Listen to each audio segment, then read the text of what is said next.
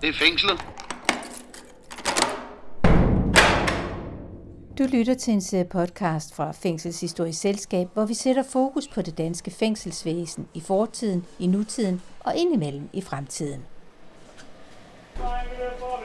Der er gang i køkkenet i Storstrøm Fængsel, hvor indsatte, ansatte og civile elever er i gang med at lave frokost. Damper for gryderne, og der bliver sunget til arbejdet. Storstrøm Fængsel er et lukket fængsel med i alt 252 pladser. Fængslet er det bedst sikrede i Danmark. Der er en særlig sikret afdeling, og en del af de indsatte har domme på 10-12 år. Og så er der et køkken. Jeg hedder Lasse Præstegård, og jeg er enhedsleder for øh, produktionskøkkenet i Storstrøm Fængsel. Produktionskøkkenet ligger stor afstand til dengang fængselskost var en del af straffen og kunne bestå af vand og brød. Sådan er det ikke længere. For i danske fængsler er der som andre steder i samfundet fokus på mad og ernæring og uddannelse.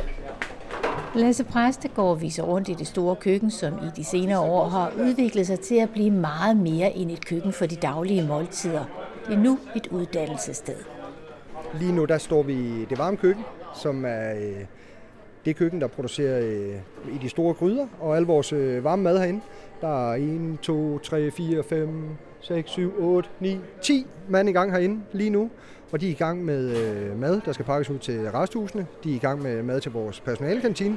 Og så tænker jeg også, der er noget ude i kursuscenteret her de næste par dage, de gør klar til. Og helt præcis, hvad er det for noget mad, der bliver lavet?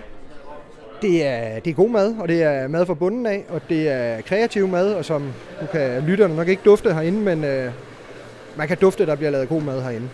Øh, det er en menu, som er den samme. Det bliver bare anrettet lidt forskelligt. Så varetægter og standard får det samme, som medarbejderne spiser i kantinen. Og i dag er det dansk bøf med blød løg, der bliver serveret både til de indsatte og ansatte. Lasse, det her, vi står på nu, det er en arbejdsplads, så for ikke at forstyrre mere end allerhøjst nødvendigt, så synes jeg, at vi skal gå ind på dit kontor og fortsætte snakken om den fødevareproduktion, den madlavning, der finder sted hernede.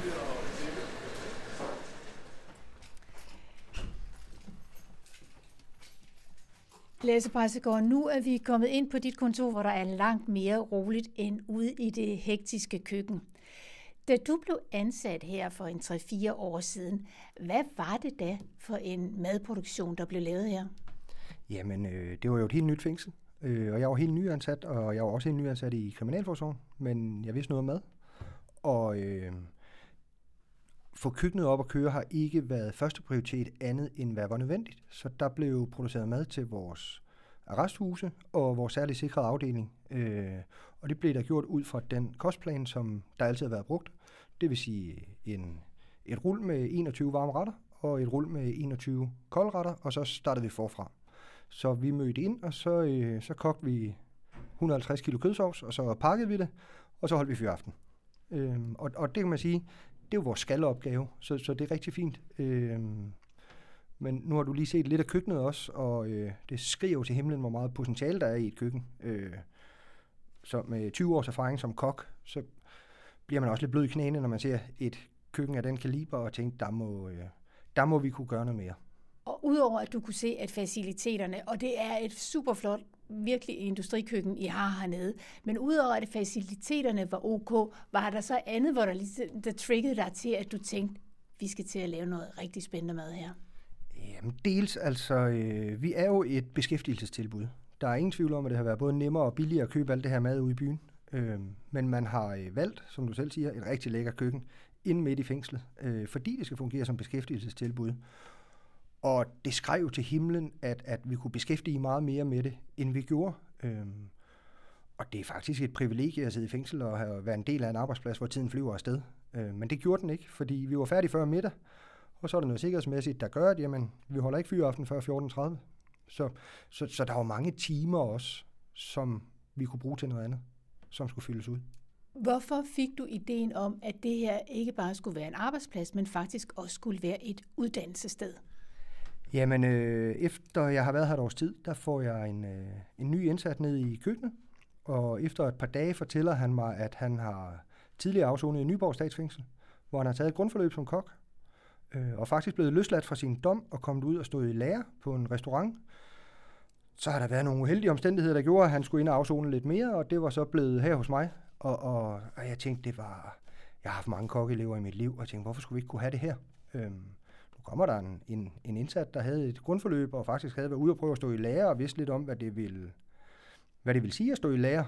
Og tænkte, hvis, hvis de kommer i lære her, og, og tager det ansvar, og kan se, at de har en hel uddannelse i, i sigte, øh, og, og kan få det, og kan vi løslade dem med det, så er jeg sikker på, at det vil gå dem bedre, og kan gå ud og søge et faglært job. Og, og hvorfor, altså, jeg er selv faglært kok, og kunne uddanne de indsatte til samme uddannelsesniveau, som jeg selv har. Det var, det var et kæmpe ønske for os. Man kan sige, øh, vi fik ikke bare lov at, øh, at lave uddannelse. Det var et meget, meget langt forløb. Den, den største fejl, jeg lavede i det her, det var, at jeg sagde til den indsatte, da han fortalte mig det, jeg siger, vi skal da have dig lærer. Og jeg var også ny i kriminalforsorgen. Og det er jo klart, han, han, han drømte jo om det her, og, øh, og, og havde ikke andre end mig at spørge, hvor langt vi var. Og, og jeg havde virkelig påtaget mig en opgave, der var, der var stor. Det er ikke bare lige at gøre. Øhm, jeg satte mig ved en computer og fandt ud af, hvad, hvad kræver det? Og allerførst så kræver det, at vi bliver godkendt til at have de her elever. Vi søgte øh, lærestedsgodkendelse, praktikstedsgodkendelse, til at uddanne gastronomer med speciale i smørbrød og catering. Og så skal vi have besøgt det faglige udvalg. Og jeg kunne godt læse ud fra kriterierne, at, at vi levede ikke op til det, der skulle, så vi var nødt til at udvide vores produktion. Det første, vi gjorde, det var, at vi begyndte at lave nogle menuer ude i huset til vores kollegaer. Vi lavede noget Sankt Hans menu, tapas to go, til to personer. Første gang vi gjorde det, solgte vi 180 kuverter. Og jeg tænkte, der var kæmpe potentiale i det her.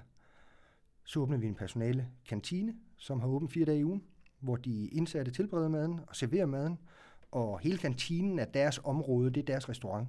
De passer den, de gør rent, de dækker bord, de serverer maden, de rutter maden af. Og så er vi ved at være i mål og have udvidet vores gastronomiske udvalgt så meget, så vi kunne få en lærestedsgodkendelse. Vi inviterede det faglige udvalg forbi. Det gjorde vi med pomp og pragt. Vi, øh, vi bedte en, øh, en afdeling i huset om at holde personalemøde den dag, så der var noget liv. Så der sad 30 mennesker i kantinen og fik serveret mad, der nok var lidt bedre end ellers. Vi havde vores fine hvide øh, kokkejakker på, og vi havde høje kokkehatte på, og vi fik vores lærestedsgodkendelse. Men så kom de andre udfordringer. Øh, de skal jo have noget løn sådan nogen. Når man bliver elev i Danmark, så er der jo nogle fagforeninger, som har kæmpet for nogle rettigheder, og dem øh, får man, når man bliver elev. De harmonerede ikke særlig godt med at afzone i et lukket statsfængsel. Øh, og jeg vidste jo ikke alt det her. Så lige pludselig så befandt jeg mig og skulle til at søge dispensation ved forbundet om at udbetale løn til min elev. Så alt har jo lyst rødt ved 3F i København. De har jo aldrig oplevet en arbejdsgiver, der søgt dispensation for gældende overenskomst, uden at det var for egen vindings skyld. Men for mig var det et kriterie for at kunne lykkes med det her. De var meget samarbejdsvillige, øh, og de kom forbi, og vi skrev meget frem og tilbage. De måtte tale med den indsatte og høre, hvad betyder det her for dig, og er du villig til at tage din uddannelse uden at få løn? Og så fandt vi ud af, at det, det var han, fordi hvis han tjente en løn, så skulle han betale for at bo her. Og det var en underskudsforretning. Så vi endte med efter lang tid at få en øh, lokal aftale på den enkelte elev, og har en aftale med vores lokale 3F-afdeling, om at det her, det gør vi, men vi laver en lokal aftale på hver enkelt elev hver gang, så de har hånd i hanke med os. Der var nogle, der var nogle instanser i Kriminalforsorgen, der, øh, der stillede sig lidt undrende, da jeg begyndte at købe knivsæt hjem til de indsatte, men det står nu engang i deres overenskomst, at de skal have øh, x antal kroner til køb af værktøj. Og jeg vil helst ikke udbetale pengene til dem, så der lavede vi igen en aftale med forbundet, at jeg købte et fornuftigt knivsæt, som vi så selvfølgelig holder for dem, indtil den dag, de skal ud. De indsatte, som bliver elever her, de får en uddannelse, som de kan bruge, når de kommer ud af fængslet. Hvad siger de egentlig selv til at være i gang derude i køkkenet? De, øh, de vil hellere end gerne være i gang derude. Øhm, indsatte har jo været beskæftiget under deres afsoning altid, men nu har de en gulerod. Alle indsatte er jo frataget deres bevægelsesfrihed. De lider et savn hver dag til deres nære og deres familie. Og det er jo klart, at man har jo nogle drømme om, hvad man så vil, når man kommer ud. Og der spiller økonomien altså en rolle så kan vi løslade dem med en hel uddannelse, og de kan gå ud og få et job som, som faglært, så der faktisk er penge til at tage en tur i Bonbonland med børnene. Så vil man da gerne det, og så har man brugt sin afsoning på det, i stedet for bare at trille tommelfinger. Så det, de har virkelig, virkelig taget godt imod det, øh, og der er jo kø for at komme på den her. Jeg vil ønske, at jeg kunne tage dem alle sammen, men, men der er jo nogle begrænsninger øh, på, hvor mange vi kan tage. For indsatte, der har så lange domme, som en del af de indsatte har i Storstrøm fængsel, er det svært at komme i gang med at bruge uddannelsen den dag, de står med eksamensbeviset. Det er også tænkt ind i projektet, for efter endt uddannelse har den nyuddannede indsatte mulighed for at fortsætte i køkkenet og være med til at lære nye elever op. På den måde bliver uddannelsen ikke forældet eller ubrugt. Og i et fængsel, der er tiden lang, til tider uendelig. Og derfor er køkkenarbejdet populært blandt de indsatte. Ved gryderne går tiden med arbejde, og så er der det med mad, at det gør noget særligt, også i et fængsel. I køkkenet og omkring gryderne, der kan vi møde hinanden. Lige meget hvor vi kommer fra, eller hvad vi har af etnisk oprindelse, så, så, så har vi behov for mad. Og vi har alle sammen nogle traditioner og følelser forbundet med mad. Så, så over maden, der, der mødes vi. Og uagtet hvor jeg tager hen i kriminalforsorgen og besøger fængsler, så er der den her helt specielle stemning i køkkenerne. Der er en, en dynamik og en glæde, som man ikke oplever ret mange steder. Jeg har lige været i Nyborg Statsfængsel. Vores kokkefaglærer Tom i Nyborg, som er en fantastisk ildsjæl og en pioner inden for resocialisering, havde simpelthen fået i hus, at vores junior kokkelandshold var kommet ind i fængslet og skulle lave mad sammen med de indsatte. De blev delt op på to hold, to indsatte og to fra landsholdet på hver hold, og så trak de øh, råvarer, og de fik lov at arbejde med pikvarer, kammuslinger, kaviar, trøfler, vakler, nye danske kartofler og nye grønne spars. Og den stemning, der var i køkkenet, de fire drenge fra kokkelandsholdet, som til dags dato er de fire bedste kokke, jeg har mødt i mit liv, de var klart nervøse. De har ikke været i et lukket statsfængsel før. Men at se, at de mødtes ved gryderne og bare havde maden til fælles. Og der var ikke nogen fordomme. Og jeg havde den store ære at få lov at sidde ved dommerbordet, hvor de kommer ind og præsenterer maden. Og jamen, det kunne lige så godt have været Bocuse i år. Øh, verdensmesterskaberne for kokke. Og jeg har lige i mit liv fået så god mad. Og tale med drengene fra landsholdet bagefter og sige, hvad har I fået ud af det her? De siger, men vi, vi har fået nedbrudt så mange fordomme, men det er jo også en lukket verden, og der er jo ikke ret mange, der har været inviteret indenfor. Men at se, hvad det er, vi kan med det her, og se, hvor langt du kan drive et køkken, når din største ressource, det er tid. Alle kokke ude på den anden side, de mangler altid tid. Det er vores største ressource. Vi kan tillade os at kigge på råvarerne og sige, hvor lækkert kan vi lave det, og hvor lang tid kan det tage. Det er der sgu ingen kokke, der har den fornøjelse. Det er der ikke. Så det var et helt fantastisk arrangement i Nyborg, og jeg var helt højt, da jeg kørte derfra. Manden, der var med til at skabe verdens bedste restaurant, kaster sig nu ud i en ny og langt mere risikabel mission. Han vil åbne en gourmet-restaurant i Vridsløse Lille, Danmarks mest lukkede fængsel.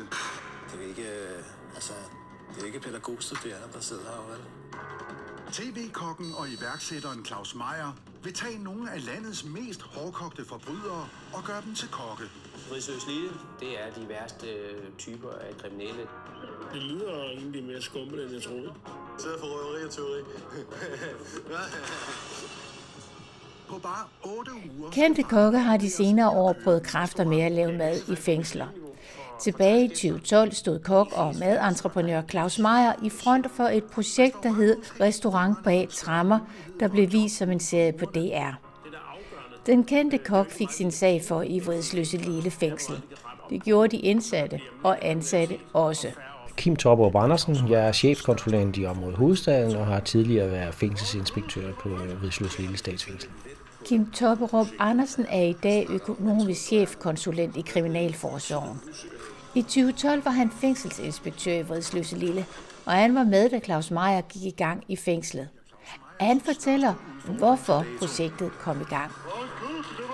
Ja, det er jo en lidt, lidt sjov øh, historie, fordi at vi blev kontaktet af, øh, ikke af Claus Meier, men af et øh, filmselskab, der havde set en øh, YouTube-sekvens, øh, hvor man i et italiensk maximum security fængsel havde lavet mad til øh, beboere udenfor. Altså man kunne komme ind og have restaurant en aften. Og det var de, øh, det synes de, det kunne være meget sjovt, hvis man kunne lave noget tilsvarende i Danmark. Øh, og, så, og så blev jeg kontaktet øh, af, af filmselskabet med den her idé om, at man kunne prøve, om man kunne lave sådan en, en øh, ikke en kokkeskole, men, men en restaurant bag trammer. Øh, og det sagde vi, det, det vil vi godt øh, overveje, øh, og så, øh, så blev det, som det nu engang blev. Øh, den største udfordring, det var jo, at, øh, at den, den måde, som øh, det her italienske projekt var sat op på, det var, at det var et stort fælleskøkken, hvor man kunne lave mad. Det havde vi ikke i Vridsløse på det tidspunkt. Det vi havde i fængslet, det var sådan set de almindelige øh, køkkener ude på afdelingerne, som da vi når videre i projektet øh, overhovedet ikke, ifølge Claus Meier, kunne anvendes til noget, der bare mindede om madlavning på noget, noget niveau. Det vi gjorde var, at efter vi havde vist øh, Claus øh, de fantastiske køkkener, der er i sådan en fængselsafdeling i et gammelt lukket fængsel, så gik vi en, en, en tur i fængsel, for man godt have en, en fornemmelse af, hvad det var. Øh, og vi var ude og kigge på, om vi kunne lave køkkener i det fri. Øh, men, men det vurderede vi, det var, det var nærmest umuligt. Og så kom vi tilfældigvis forbi et øh, gammelt lagerlokale over i forbindelse med ringmuren, hvor han, det var næsten tomt. Der stod nogle øh, motionsredskaber, øh, og der stod nogle gamle skrivebord, og så sagde han, kan vi ikke lave det her til et køkken? Og så var jeg jo et stort spørgsmålstegn, fordi det kunne jeg slet ikke forestille mig, at det kunne lade sig gøre. I får installeret et køkken, og på den måde der er platformen jo i orden. Men hvad med dem, der ligesom skulle til at arbejde der? Hvad med de indsatte? Hvordan reagerede de på det her projekt? Ja, vi var jo nødt til at prøve at præsentere det, fordi at øh, det var jo det var ligesom dem, der skulle være i fokus. Øh, og øh, i første omgang, så, så var det en, øh, en introduktion i kirken, øh, hvor vi samlede dem, der måske kunne være interesseret. Og øh, i første omgang var de meget skeptiske. Og øh, udefra sådan, der er ikke nogen, der skal komme her og fortælle os, hvordan vi skal gøre en, en celebrity-kok, som Claus var, skulle slet ikke komme ind og fortælle dem, hvordan at, øh, at man, man skulle leve sit liv, og, og de mente slet ikke, at han overhovedet kunne løfte sådan en opgave.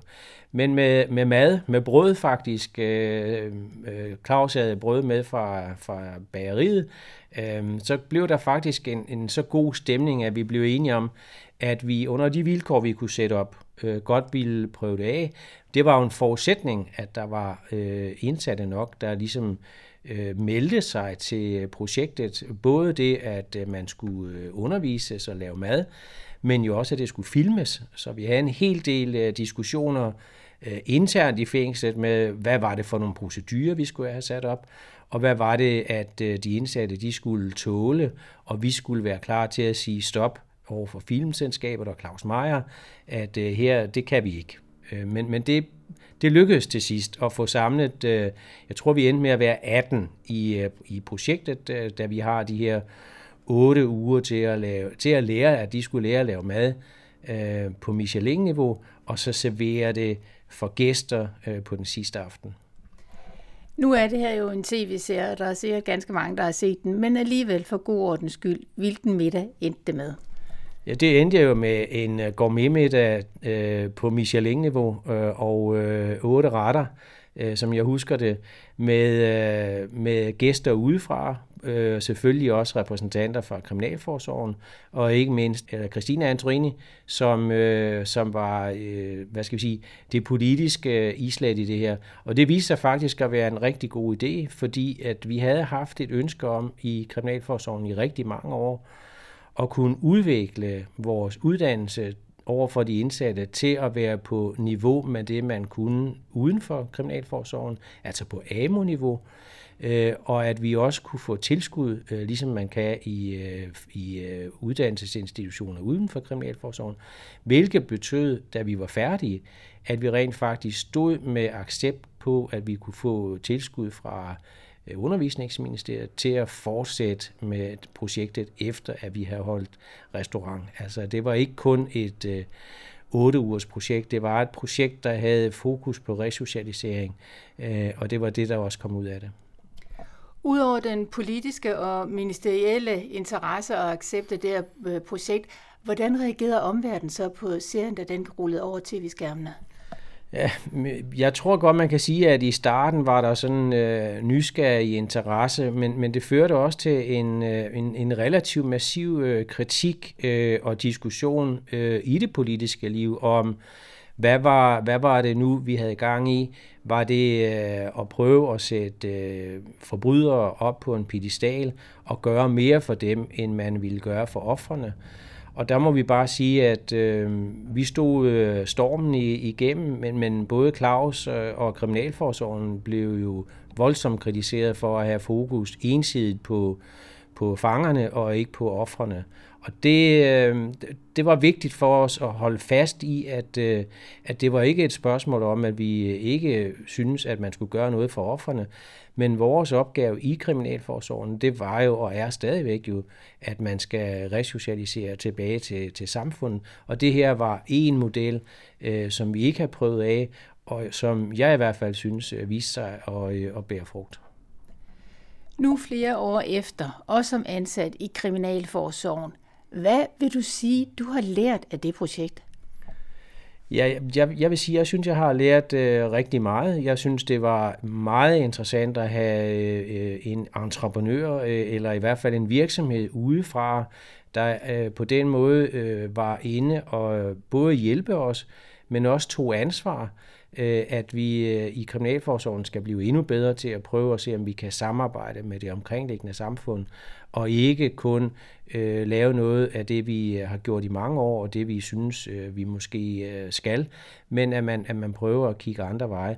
Og øh, så kan man vel også sige, at øh, den anden ting var jo også, at, øh, at mad øh, lige fra starten, både med Claus' øh, brød inde i fængslet, og også restaurantaften, og også efterfølgende, at øh, mad samler. Fængslet i Vridsløse Lille er blevet nedlagt, men der er naturligvis stadig fængselskøkkener, og altså også som i Storstrøm Fængsel, produktionskøkkener, hvor der bliver lavet mad til hverdag og fest. I dag er der ni elever i Storstrøm Fængsel. Seks er indsatte, og tre er civile. Det er altså personer, som hverken har domme eller en kriminel baggrund. Og på kontoret bag køkkenet har Lasse Præstegård ønsker for fremtiden. Vi øh, har lige åbnet et kursus- og konferencecenter og fået ansat en civil kok derude, hvor vi af sikkerhedsmæssige årsager ikke kan få de indsatte ud. Så det skal give os en masse mere produktion herinde i køkkenet, som ligger i fængslet, med henblik på at få udvidet vores lærestedsgodkendelse, så vi kan få nogle flere elever. Lige nu øh, har vi faktisk fået den skruet op til en elev per faglært, og det vil sige, at vi må have seks elever. Vi har et grundforløb i gang, hvor der er fem elever, som skal til eksamen om 14 dage. Jeg har fået ansøgninger fra dem alle sammen, og, og drømmen er, at vi kan tage dem i lære alle sammen, og de kan komme på et hovedforløb og sammen også. Denne podcast blev optaget i juni 2023, og derfor der blev der talt om kokkelandsholdets besøg i Nyborg Statsfængsel som noget, der lige var sket. Du har lyttet til en podcast fra Fængselshistorisk Selskab, som du kan læse meget mere om på deres hjemmeside. Det er www.fængselshistorie.dk og æget i fængsel, det staves AE. Jeg hedder Dorte Chakravarti og har tilrettelagt og produceret denne podcast.